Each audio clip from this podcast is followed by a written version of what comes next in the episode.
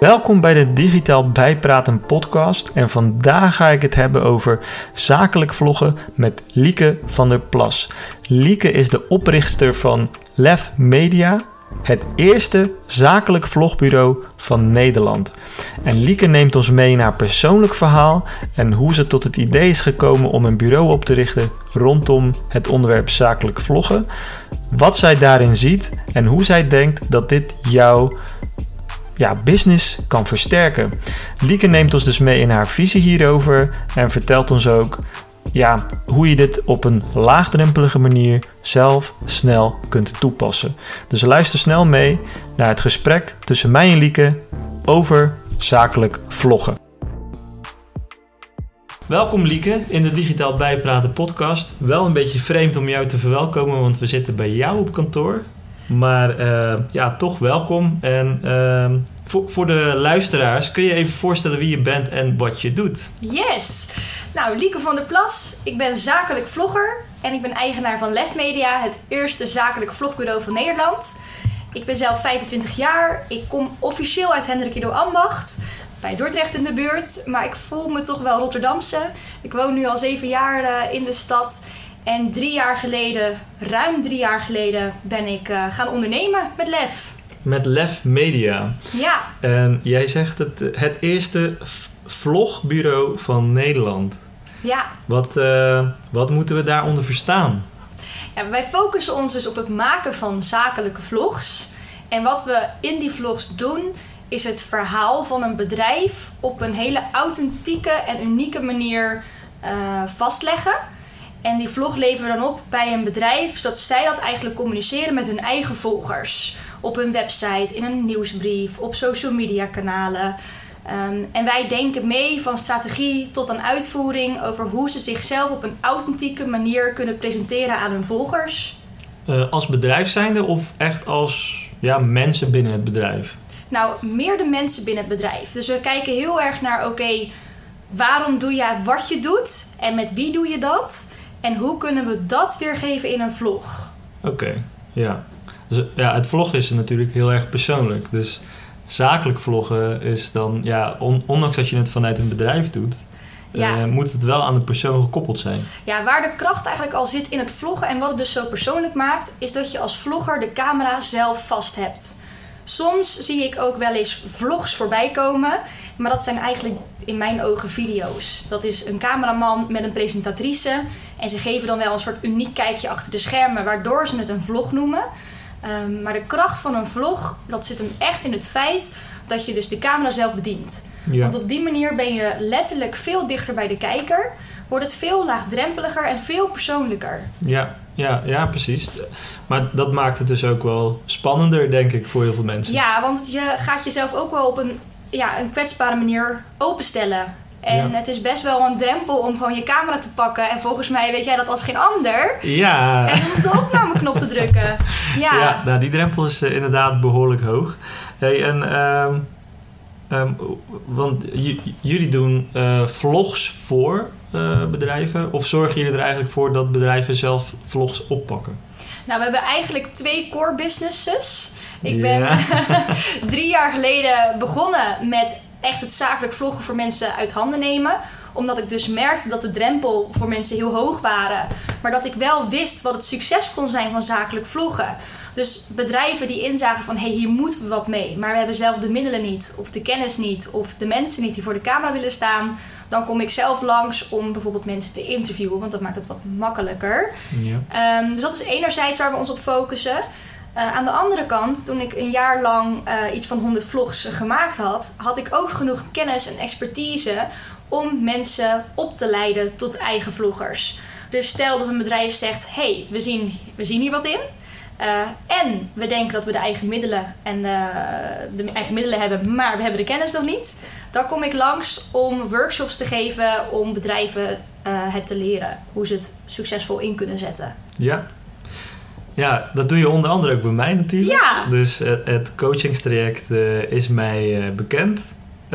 Maar dat is denk ik wel ja, op de lange termijn misschien wel het meest waardevolle dat je het ook echt zelf kan doen.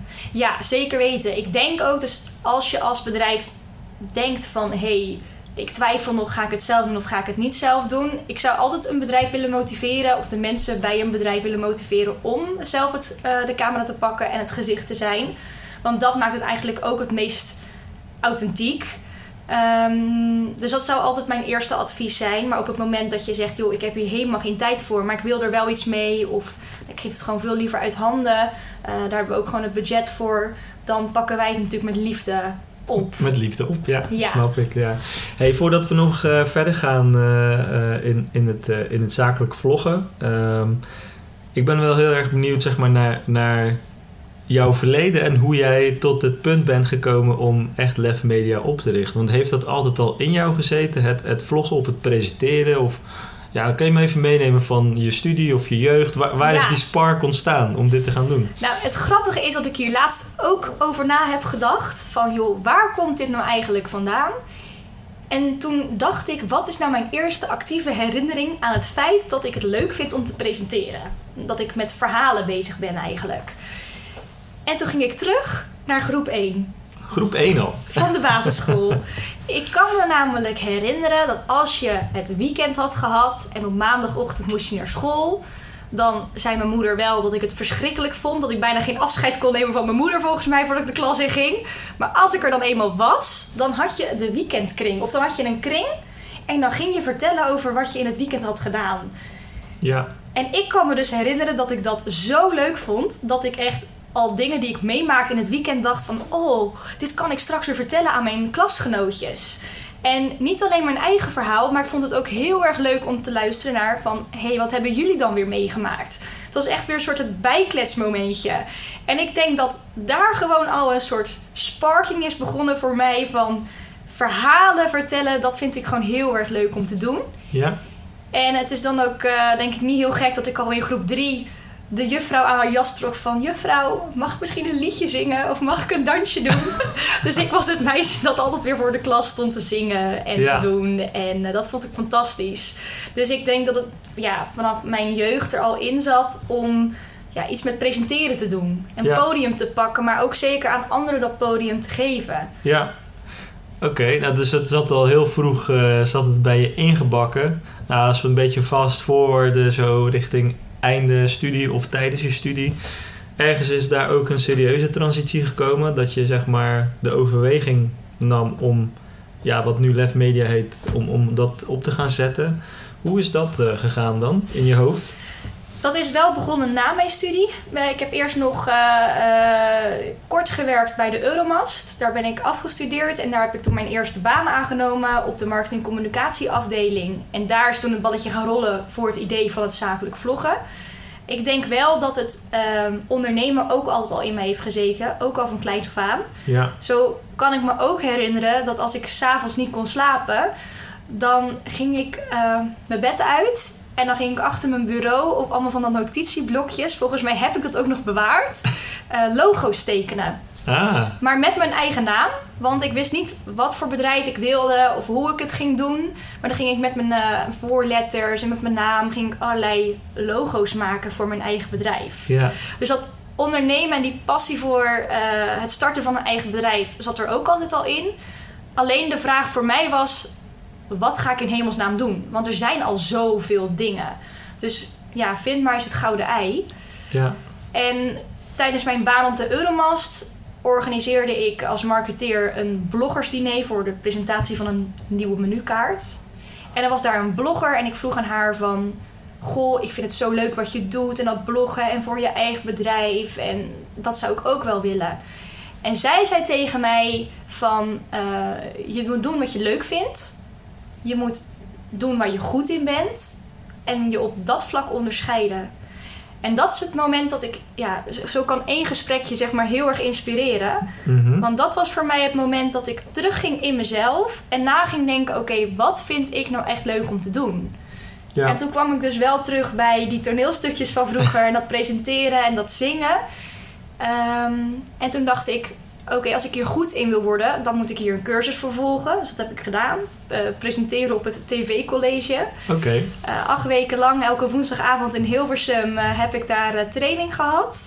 En op het eind van die cursus dacht ik, oké, elke week word ik beter. Elke week geeft het me nog meer energie. Hier moet ik wat mee. Dus kwam ik aan bij het laatste punt. Hoe ga ik me op dat vlak onderscheiden? En toen ben ik gaan denken aan mijn baan bij de Euromast. Hoe ga ik me met presenteren bezighouden, maar onderscheiden van alle andere bedrijven die er al zijn? En toen dacht ik aan zakelijk vloggen. Plop. En toen begon het. Ja. Ja. En dan denk je dat je dat daar misschien begint. Maar nee, toen had ik al ja, de allereerste opdrachtgevers overal vandaan gehaald. En ik Ja. heb nog drie maanden bij de Euromast gewerkt. En toen heb ik me ingeschreven bij de Kamer van Koophandel. De Euromast meegenomen als opdrachtgever. Dus dat doet gelijk goed voor je portfolio. Ja, En eh, gaan ondernemen. kijk.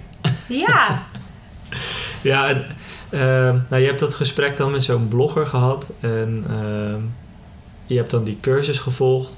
Maar ja, het vloggen is, eh, is, als je het zakelijke weg zou laten, is op zich al een fenomeen op zichzelf. Hè? ja. Eh, heeft, heeft dat je ook nog ergens getriggerd? Hè? Dat je ziet van nee, sommige vloggers hebben meer kijkcijfers dan bepaalde tv-programma's, zeg maar. ja bizar. Eh, en die verdienen dan terecht ook hun geld daar op een bepaalde manier mee. Mhm. Maar ja, eh, wa- was, wa- heb, wa- zet jij ook een beetje in, in, in dat wereldje in die zin van dat je daar heel erg op, op zat te kijken? Of eigenlijk helemaal niet zo? Helemaal niet eigenlijk. Oké, Eh, ik heb ook nooit de ambitie gehad om op die manier te gaan vloggen of om Ja. op die manier mezelf te presenteren.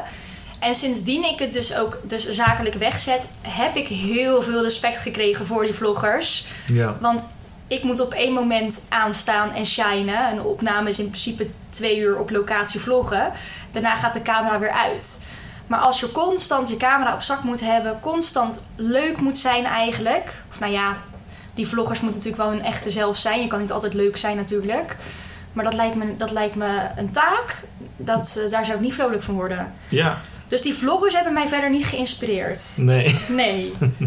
nee, ja, ik denk dat er ook een beetje tweeledig naar gekeken wordt. Het is eh, volgens mij echt wel een groep die het eh, heel erg mooi vindt. Ik denk dat het meer de jongere generatie is.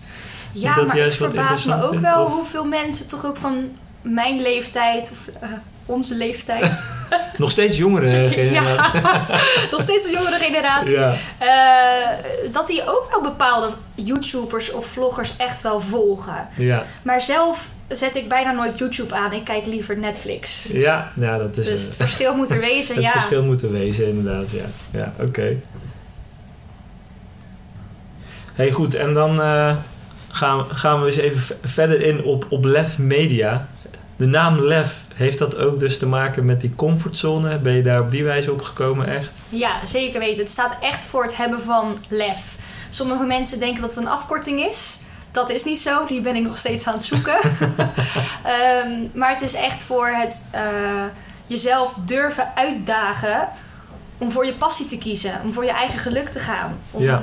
ja, je, jezelf doelen te stellen en daar ook echt voor te gaan. Lef te tonen. Ja. ja, dat heb je ook wel nodig. Heb ik zelf ook ja. gemerkt. voor- Ja, ja, Voor, eh, voor de camera. Daar gaan we het vast eh, na deze opname verder over hebben. ja, zeker weten. Oké. Hey, maar eh, dat zakelijk vloggen, hè, eh, ik, ik hoor mensen al denken, en ik, ik heb die vraag zelf denk ik ook wel een beetje van, oké, dat, dat is wel leuk, maar ehm, ik, ik zie ook wel bepaalde meerwaarden. Maar hoe zou jij dat kunnen vertalen naar concrete voorbeelden van, wat levert het nou een bedrijf op? Of misschien moet je juist wat meer naar persoonlijke toe, want ik kan me ook voorstellen dat het heel erg voor je personal branding is. En, en een personal brand kan natuurlijk een bedrijf heel goed versterken. Maar ja, hoe kijk jij er tegenaan? Wat is de meerwaarde voor, ja, laat ik zeggen, echt bedrijven? Want je doet het richting Mhm. bedrijven. Wat is voor hun de meerwaarde om eh, te gaan vloggen volgens jou? Nou, nogmaals, de kracht van het vloggen is dus die persoonlijkheid die erin terugkomt. En ehm, tegenwoordig kun je als bedrijf niet meer achterblijven op social media. Op het moment dat je daar nog steeds als bedrijf niet aan meedoet op dit moment, denk ik dat je op korte termijn gewoon echt een achterstand gaat hebben op jouw concurrentie. Maar ook op social media moet je weer het verschil maken. Op je website moet je het verschil maken. En ehm, verhalen daarin zijn heel erg belangrijk. Dus ehm, je hebt de Golden Circle, de Why, How, What. Van Simon Sinek? Ja, die. Ehm, dus je hebt de Circle van Simon Sinek. Ehm, die focus dus heel erg op het waarom je doet wat je doet. Dus niet per se wat je levert, maar die why. En ik denk dat er heel veel bedrijven nog heel erg gefocust zijn op hoe ze dat precies doen. En daar is hun contentstrategie dan ook op gebaseerd. En ehm, terwijl het zo belangrijk is dat je laat zien waarom je doet wat je doet. Want uiteindelijk zullen ook jouw potentiële klanten daarop keuzes baseren als ze moeten kiezen tussen verschillende concurrenten. Um, wij willen namelijk niet zaken doen met bedrijven, maar we vinden het veel belangrijker om te weten van wie is die uh, persoon achter dat bedrijf? Met wie heb ik eigenlijk contact? En dat persoonlijke staat heel erg voorop. En op het moment dat je vlogs gaat inzetten, kun je op een hele unieke manier, want het is nog steeds niet heel erg um, bekend, uh, laten zien waarom je doet wat je doet en met wie je dat doet. Ja, oké. Maar is het, het, een stukje persoonlijkheid kweken, om het maar zo te zeggen. Ja, en een stukje. Uh, het gaat heel erg gepaard met een stukje gunfactor ook. Ja. Ook omdat je die kwetsbaarheid laat tonen. Ja. Van, uh, dat je laat zien wie je echt bent. Ja. Um, en je gaat merken dat je uiteindelijk onbewust bouwt aan een connectie met die potentiële klant. Ja. Dus dat is ook wel een reden waarom uh, bedrijven vlogs inzetten. Maar het wordt bijvoorbeeld ook heel veel ingezet om zichzelf, om, om een bedrijf op de kaart te zetten als aantrekkelijke werkgever. Dus voor de employer branding. Om te laten zien hoe leuk het bedrijf is. Een kijkje achter de schermen. Ja. Ja. Ja. Ja, oké. Hey, en uh, goed, je zegt uh, kijk je achter de schermen. Ehm, ik kan me ook voorstellen, eh, om die connectie op te bouwen, is er meer nodig dan alleen een vlog. Ja, hoe zie je dat dan voor je? Moet iemand echt een heel jaar lang, heel jaar lang vloggen? Moet dat dan één persoon zijn? Of kun je dat ook op andere manieren ondervangen? Ja, je moet wel je beseffen dat natuurlijk je, je vlog onderdeel is van je complete marketingstrategie, je complete contentstrategie. Dus het is niet zo dat je denkt van oh ik ga nu vloggen en that's it. Mhm. Eh, het moet juist een toevoeging of aanvulling zijn op uh, de strategie die er al ligt. Ja. Het is ook niet zo in mijn beleving dat je dan maar elke week hoeft te vloggen. Maar je moet wel continu zichtbaar zijn. Dus uh, er zijn bijvoorbeeld best wel wat bedrijven die een goede contentstrategie hebben en die één keer in de maand een vlog inzetten. Dus één keer in de maand zijn ze dan zichtbaar op die manier. Waarbij er ook mensen soms weer zitten te wachten op die vlogs. Van oh leuk, er komt weer een vlog online. Ja. Um, en dan bouw je ook al aan die connectie. Dus je hoeft echt niet elke week dan maar zichtbaar te zijn door middel van een vlog. Maar je moet wel over het algemeen consistent aanwezig zijn. Ja, ja. En, en uh je zegt aanvulling op je marketingstrategie of contentstrategie. Die moet je dan ook wel hebben, neem ik aan. Maar stel je voor, ik denk dat er ook best wat bedrijven zijn die ja, uh, misschien wat onvolwassener zijn op dat gebied en niet echt een, een heel uitgebreid plan hebben of zo waar ze precies content over moeten maken. Dat kom je ongetwijfeld ook wel eens tegen.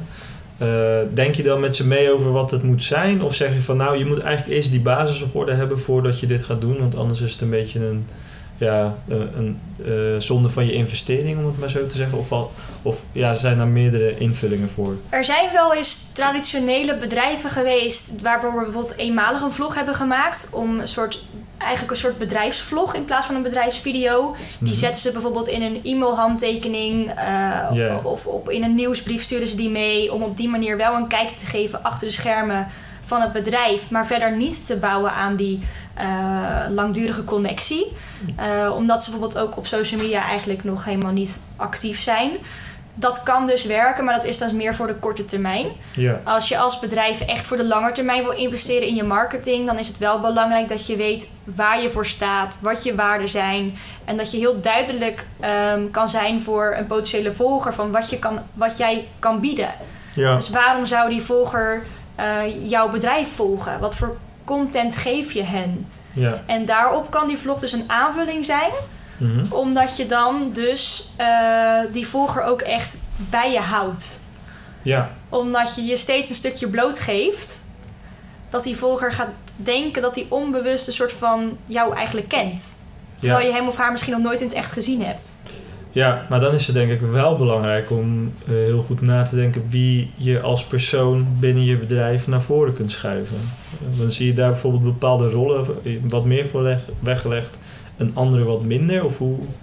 Ja, ik denk wel dat je sowieso vanuit je nature al een bepaalde sparkling of passie voor je vak moet hebben. Gelukkig moet zijn uh, in je functie waar je zit. Uh, trots moet zijn op het bedrijf waar je, waar je zit. Want op het moment dat je die aspecten niet echt helemaal voelt, is het voor op een camera overbrengen nog lastiger. Ja. Want tegen een camera praten, dat is gewoon een ding. Ja. Uh, eigenlijk zou je je emotie ook iets moeten uitvergroten. Natuurlijk moet je jezelf zijn, Ja. maar tegen iemand praten, dan heb je een reactie terug. Je hebt een bepaalde oogcontact. Je, er is iets waardoor je automatisch al Ja. meer gaat geven. En dat heeft een camera gewoon niet. Nee. Dus je moet altijd eigenlijk net iets extra geven. En als je dat van jezelf al niet heel erg voelt of in je hebt, dan wordt het een beetje trekken aan een dood paard. Oké, dus het gaat eigenlijk meer om, eh, niet per se om een specifieke rol binnen een organisatie, maar meer om de mensen die eigenlijk die ingrediënten bevatten. Dat denk ik wel. Daar zit de succesfactor, eh, tenminste daar wordt het vergroot, de kans Ja. op succes. Ja, en ik denk dat het ook gewoon goed is om eh, iedereen in je organisatie een gezicht te geven. Van een stagiair tot de administratie, tot misschien wel dus de, de directeur of de ondernemer erachter. Ja, Eh, maar juist laten zien met wie je dat allemaal doet en hoe uitgebreid dat allemaal is. ja, ja. ja en, dan toch wel even terug naar die vraag hè, van wat levert het me op? Gewoon heel keihard gevraagd. Krijg ik hierdoor meer leads? Hè? Want dat is bijvoorbeeld, denk ik, een, een vraag wat een marketingmanager z- zou stellen die misschien wat meer op leads gedreven Mhm. zou zijn. Ik zou niet zo snel weten persoonlijk dat, dat vloggen leads kan opleveren, maar daar denk jij misschien anders over. Hoe, wa- wat kan het nou echt concreet opleveren? Daar denk ik dan inderdaad anders over. Maar ik moet aan de andere kant ook eerlijk zeggen dat ik niet heel gedreven ben op de analytics erachter. Mhm. Dat komt omdat we op dit moment de vlog alleen nog opleveren bij het bedrijf. We denken mee in de strategie, maar we beheren de kanalen verder zelf niet. Ja. Dus uiteindelijk is het bedrijf er zelf verantwoordelijk voor om dat ook echt goed weg te zetten. Tenzij dat ze dat bij ons aangeven, dan schakelen wij weer een bureau in om dat eh, weer dat in te zetten. Ehm, maar dat is, dat is een paar keer eh, voorgekomen, maar ook niet zoveel dat ik kan zeggen van nou, dit levert het concreet echt op. Wat het belangrijkste is en waar ik dus ook een heel actueel on, of, eh, voorbeeld voor heb voor, voor mijzelf, is dus eh, dat je echt dus onbewust bouwt aan een connectie met iemand, met jouw volger, die jij misschien nog helemaal niet kent. Ja. En een mooi voorbeeld is dus ehm, dat ik natuurlijk in mijn vlogs niet eens vlog over Lef Media. Maar ik ben wel elke keer op allerlei plekken in Nederland om weer een bedrijf te vertegenwoordigen en ergens een kijkje te nemen. En ik laat wel mezelf ook zien in die vlogs. Eh, daardoor hebben mensen gewoon het idee alsof ze me kennen. Ik ben ooit een keer ergens bij een eh, opdracht binnengelopen en toen zei ze: Hey Liek! en toen dacht ik: Hey, en jij bent? dus ze zei ook van: Oh, wat gek, ja, ik, ik volg jou gewoon. Dus ik heb het idee, je bent zo hoe je nu overkomt in het echt, zo ben je ook in de vlogs. Dus het lijkt wel alsof ik jou al ken, maar jij kent mij natuurlijk helemaal niet. Ja, Toen dacht ik, ja, dat is een heel mooi voorbeeld van wat er dus eigenlijk gebeurt. Maar ook, ik kreeg laatst een bericht via LinkedIn van... Goh, ik volg je al een jaar. En eh, zou je me even willen bellen? Want ik, ik, nu heb ik gewoon het gevoel dat ik er ook echt iets mee moet gaan doen. ja, ja. Uiteindelijk ben ik met hem om de tafel gaan zitten. En gaan we nu een jaar lang samenwerken. En ga ik hem ook coachen op het vloggebied. Maar ik heb zijn naam nog nooit voorbij zien komen in de vorm van een like. Of in de vorm van een reactie. In de vorm van een DM. Nee. Of helemaal niks. Nee, Maar hij zegt eerlijk, ik volg al een jaar. ja, En dat is voor mij het bewijs dat je en een lange termijn strategie loont. Want als je op een gegeven moment ja, ja, stopt, dan houdt het ook wel een soort van op, ook als je niet meer zichtbaar bent. ja, En het feit dat dus je jezelf niet blind moet staren op views en likes en dat soort dingen. ja, Omdat het vloggen echt gaat over, dat, over die gunfactor. ja. Ja, dat is dus een extra laag eh, op hetgene wat je al aan het doen bent eigenlijk, Ja. wat je zegt. Hè? Precies. Oké, Ja. ja. Nou, ik moet zeggen, ik, ik eh, vergelijk het dan... eh, laat ik het vergelijken met podcasten, want ik denk dat dat op een bepaalde manier daar wel op lijkt. Eh, het is voor een podcast ook heel moeilijk om te zeggen, wat levert het nou echt op? Natuurlijk kunnen wij zien hoe vaak het gedownload is en, en eh, hoe ver een aflevering geluisterd wordt en dat soort zaken.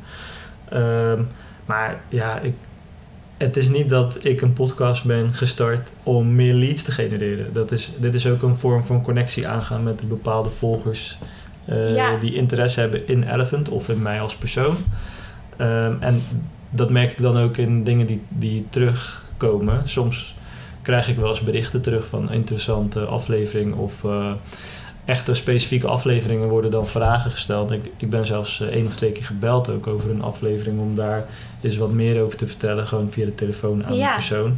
Ja, dat is niet per se eh, een opdracht of zo, maar je, je merkt inderdaad wel dat je een bepaalde vorm van connectie krijgt Ja. met degene aan de andere kant. zeg Precies. maar. Ja. Ik vind het ook mooi wat je zegt, want je zegt: Ik ben een podcast niet gestart omdat ik meer leads wilde. En ik denk dat dat ook een hele goede succesfactor is. Want als jij gaat beginnen alleen maar voor die leads en voor meer opdrachten en meer omzet, dan ben je ook op een gegeven moment niet meer passie gedreven bezig. Ja, En dan moet je misschien een andere strategie inzetten dan dus een podcast of een vlog. ja. Want dat, ja, uiteindelijk is het ook gewoon heel veel eh, geven en daarna past nemen. ja. Dus ik denk dat de basis al ja, goed is door te zeggen van we beginnen vanuit. Ja, je moet natuurlijk wel weten waar wil ik heen en wat wil ik bereiken. Want anders dan ben je soort van aan- in het niets allemaal dingen aan het doen en dan eh, wordt het geen succes. ja.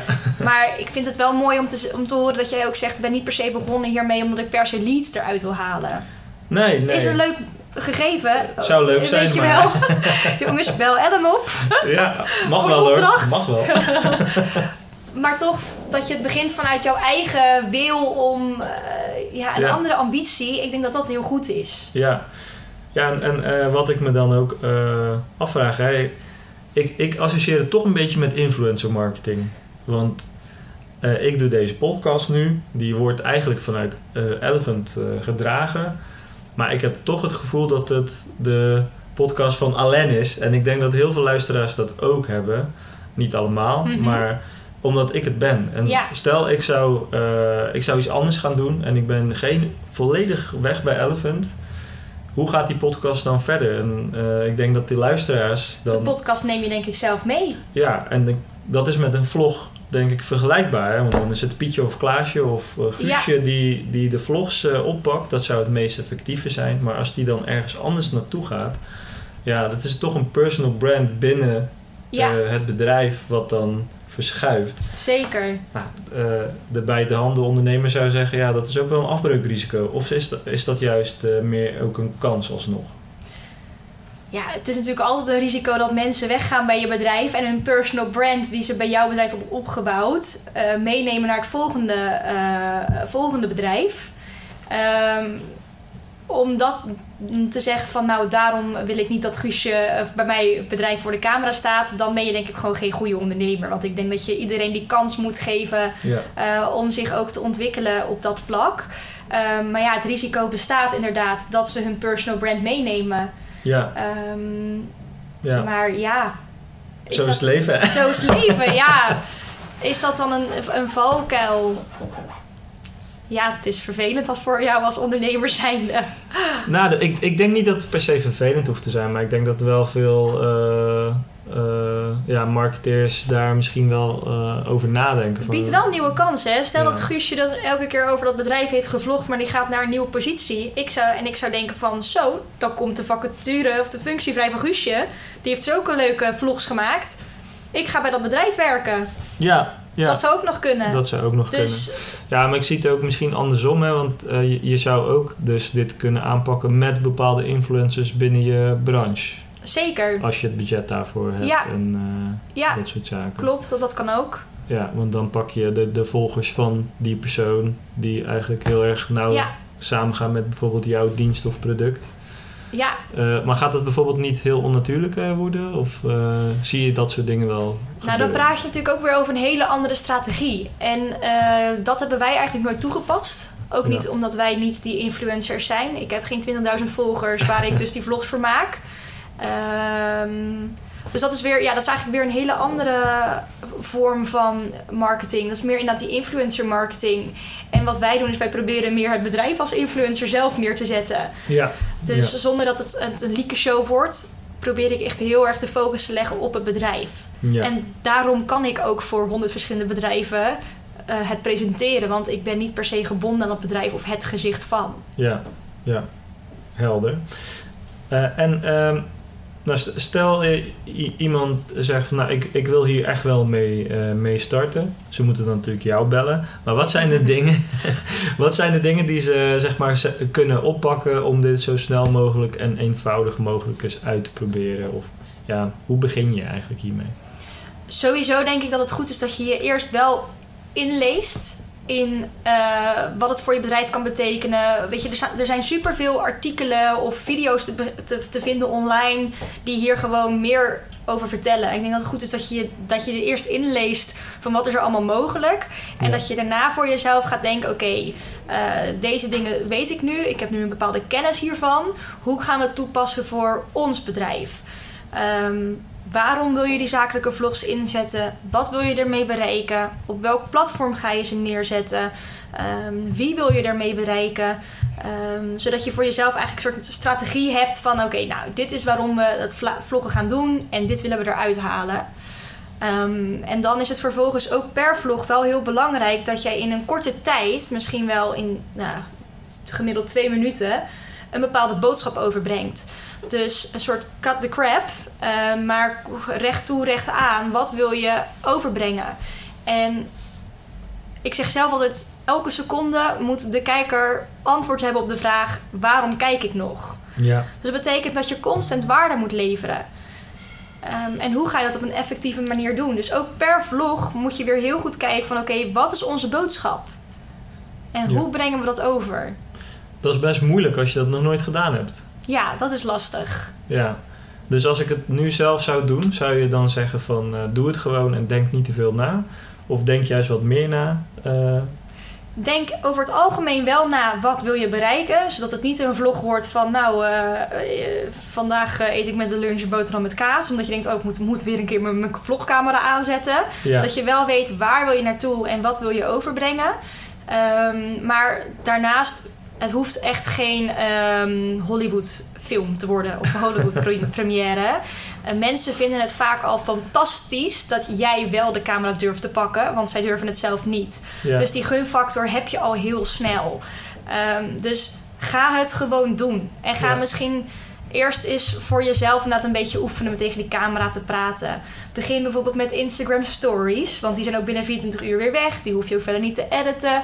Word je dan een beetje iets meer gewennig voor die camera. ja, Maar het doen is het allerbelangrijkste, want eh, ja, volgens mij eh, vind jij dat ook zelf lastig. ja, Ehm, die drempel is vaak gewoon heel hoog. En als je daar eenmaal overheen bent, dan wordt het ook makkelijker en kan je steeds meer ook je eigen vlogs gaan analyseren. ja, Wat heb ik verteld? Eh, wat zijn de reacties geweest? Eh, moet het wat langer? Moet het wat korter? Hoe kan ik het anders doen?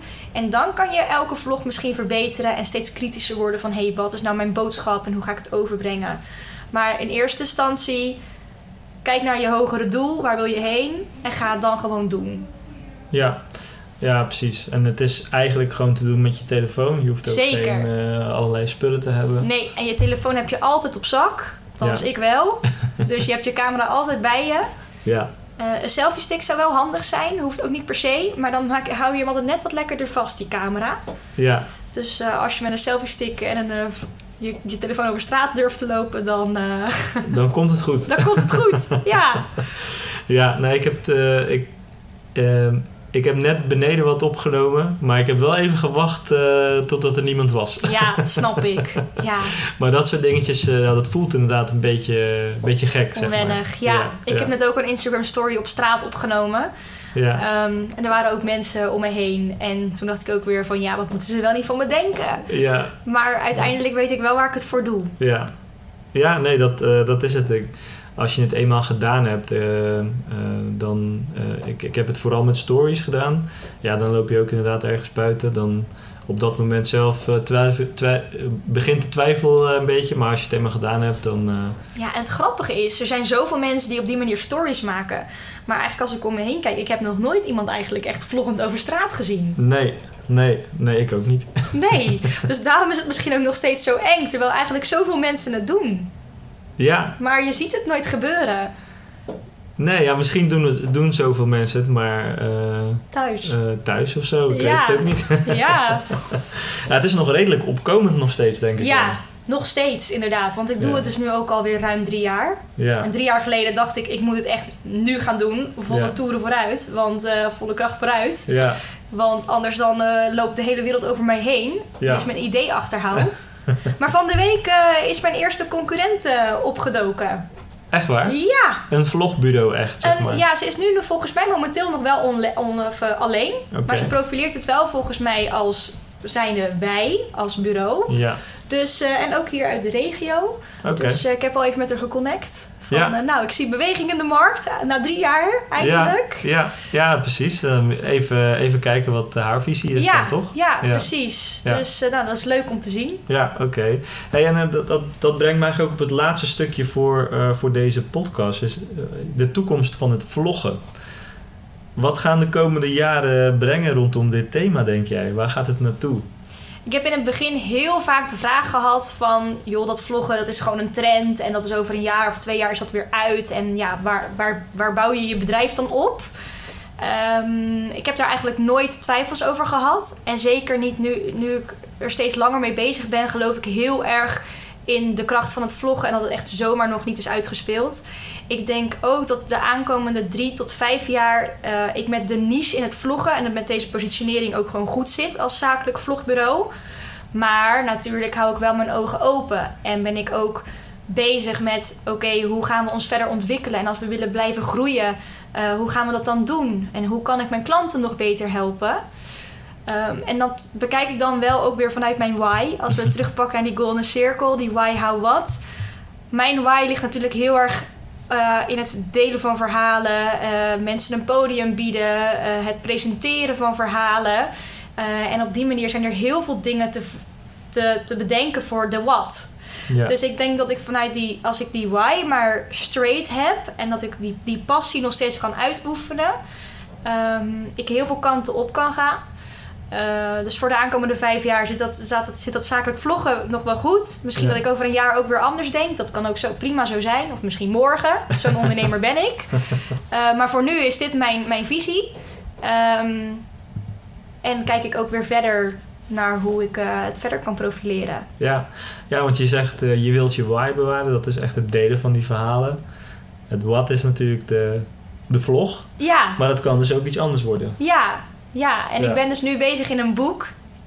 Ik ben benieuwd, heb jij hem ook al opengeslagen? Want ik heb hem cadeau gegeven. Ja, hij staat wel op mijn nachtkastje, maar Oh, eh, stap ik, één. ik moet er nog aan beginnen. Oké. ja, ik heb hem dus pas uitgelezen. Ik, ik, grappig, ik gaf hem dus aan eh Ellen cadeau. eh, terwijl ik er zelf nog in bezig was. Maar ik was door de inleiding al zo geïnspireerd dat ik dacht: dit wil ik gewoon geven aan in ieder geval mijn coaches. Ehm, maar het heet De Kracht van Storytelling. En ehm, daar, word ik zo, daar raak ik zo geïnspireerd van. Ik heb hem net uit en ik ben nu alweer met markeerstift in mijn hand opnieuw gaan beginnen. Met een Word-document ernaast. Alles opgeschreven, mijn ideeën erbij opgeschreven.